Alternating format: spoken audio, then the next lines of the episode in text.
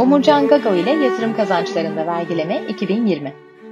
2020 Ağustos ayında yapılan bu kayıtta genel bilgi vermek amacıyla ve kayıt tarihi itibariyle yürürlükte olan kural, oran ve tutarları dikkate alıyoruz. Bu podcast'i dinlediğiniz tarihe dek mevzuatta veya mevzuatın yorumunda değişiklikler olmuş olabilir. Vergisel pozisyonunuzu salt bu podcast'e dayanarak değil, vergi danışmanınıza başvurarak belirlemenizi önemli tavsiye ederiz. Yatırım kararlarınız içinse lütfen yatırım danışmanlarınıza danışınız. Bu podcast'e dayanılarak tesis edilen işlemlere ilişkin olarak PwC ortakları veya çalışanlarına herhangi bir sorumluluk atfedilemeyeceğini de hatırlatmak isteriz. Merhabalar, ben PwC Türkiye ortaklarından Umurcan Gago. Yatırımlarını finansal varlıklarda değerlendiren ve herhangi bir nedenle uykusuzluk sorunu çeken dinleyicilerimiz için hazırladığımız bu podcast serimizde Türkiye'de yerleşik gerçek kişilerin finansal yatırım araçlarından elde ettikleri gelir ve kazançların vergilendirilmesini ele alıyoruz. Bugün 15 Ağustos 2020. Her zaman olduğu gibi öncelikle günün özlü sözüyle başlıyoruz. Efendim Martin Luther düşüncelerden vergi alınmaz demiş. Bay Luther'e katılıyor musunuz? Yoksa içinizden bir memlekette düşüncelere ceza verilebiliyorsa vergi niye alınmasın ki diyenler var mıdır bilemiyorum. Kaynağını bulamadığım ama bir o kadar ilginç bir söz daha var.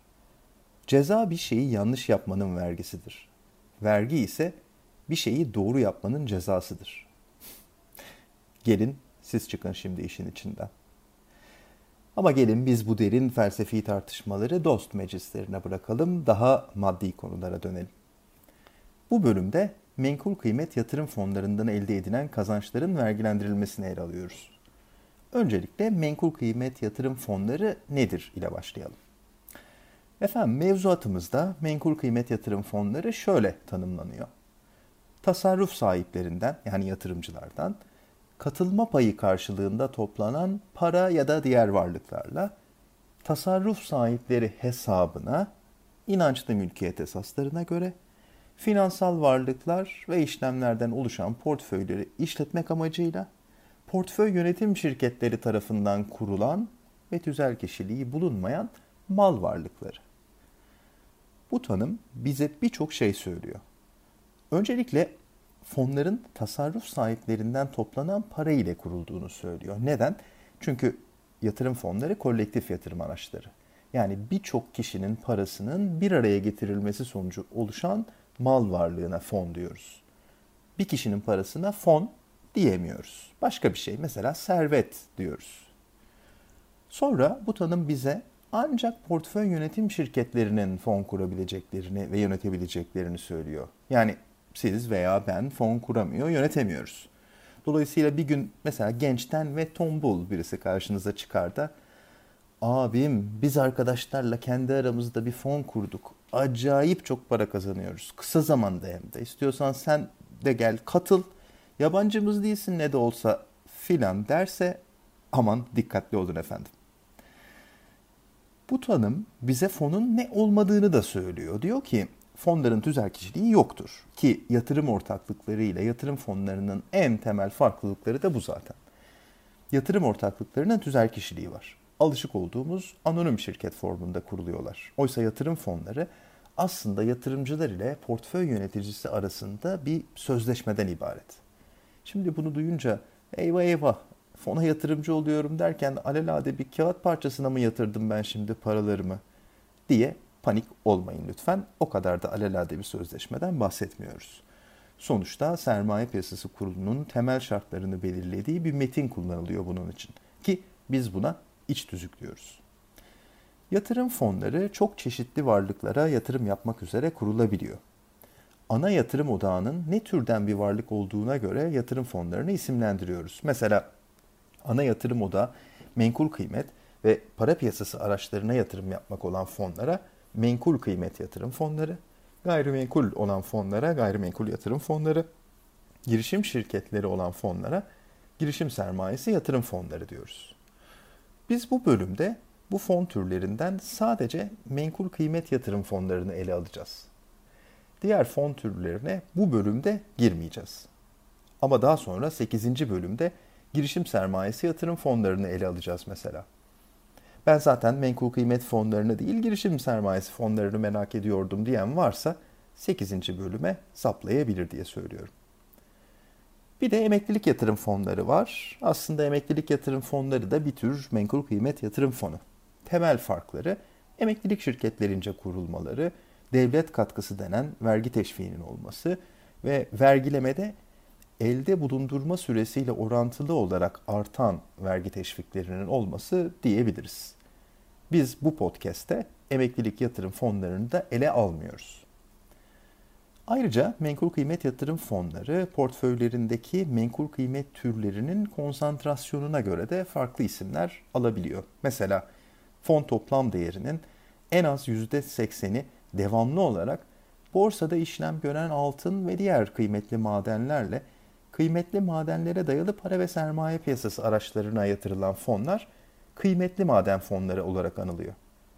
Portföyünün tamamı devamlı olarak kira sertifikaları, katılma hesapları, ortaklık payları, altın ve diğer kıymetli madenlerle diğer faize dayalı olmayan araçlardan oluşan fonlar katılım fonu olarak adlandırılıyor.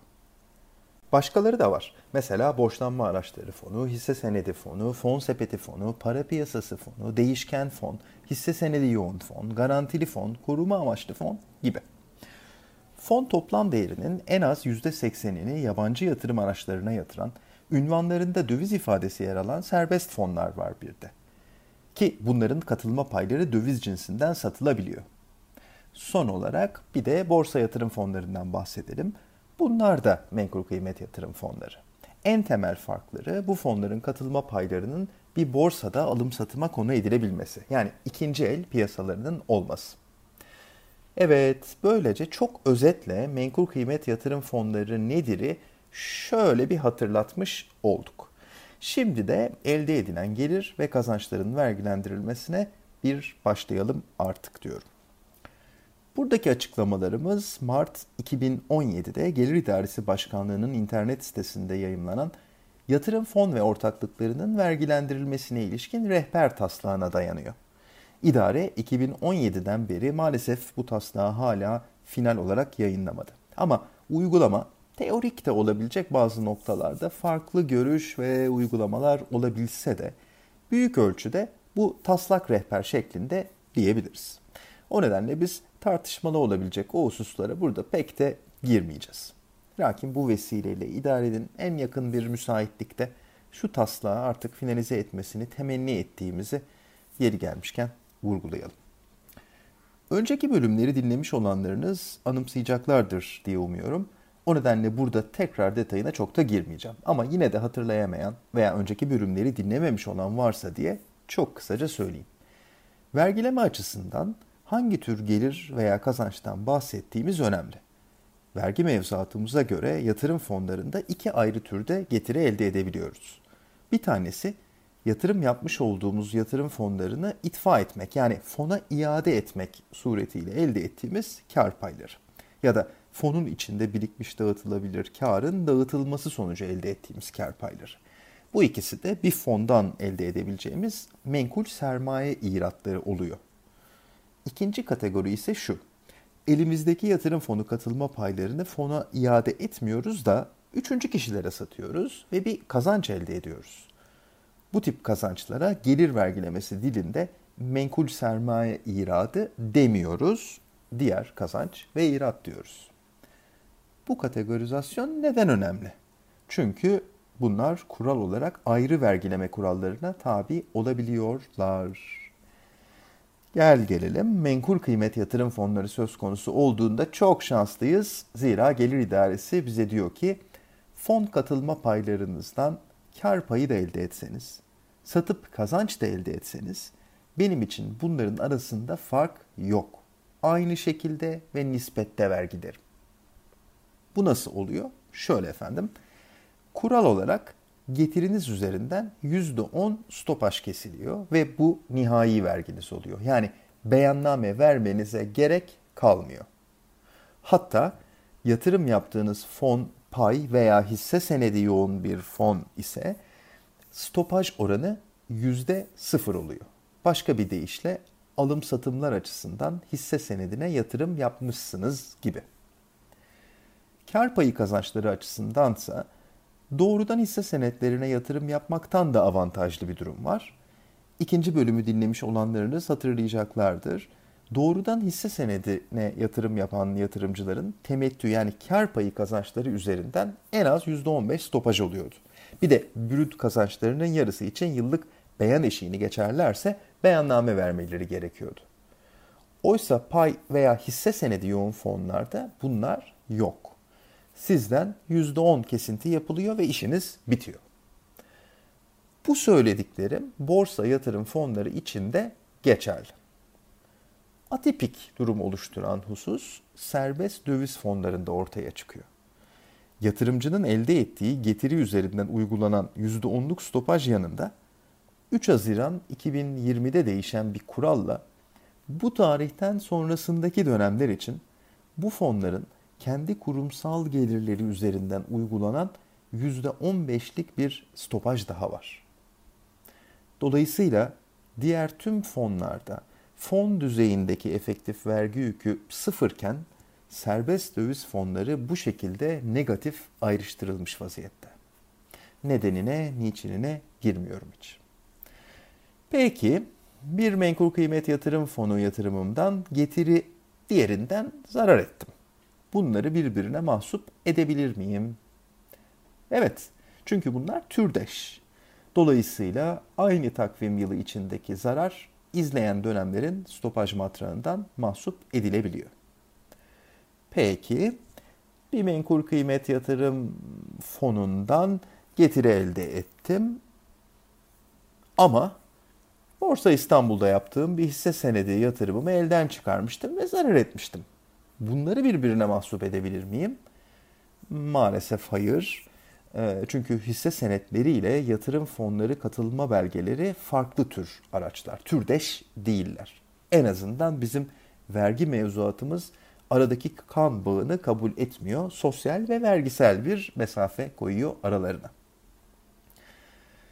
Zararı bir devlet iç borçlanma senedini elden çıkartmak suretiyle elde ettiysem bunu mahsup edebilir miyim bari? Mümkün olsa dükkan sizin demek isterdim. Maalesef hayır. Bunlar da türdeş değiller. Yurt dışında kurulu bir fona yatırım yapmıştım. Yine %10 stopaj suretiyle mi vergilendirileceğim? Hayır. Bahsettiğimiz %10 stopajla vergilendirme Türk fonları için geçerli. Yabancı bir fona yatırım yaptıysanız kural olarak elde ettiğiniz getiri için Türkiye'de beyanname vermeniz lazım. Lakin matrağınızın nasıl belirleneceği, yararlanabileceğiniz istisna veya eşiklerin olup olmadığı durumdan duruma değişebilir.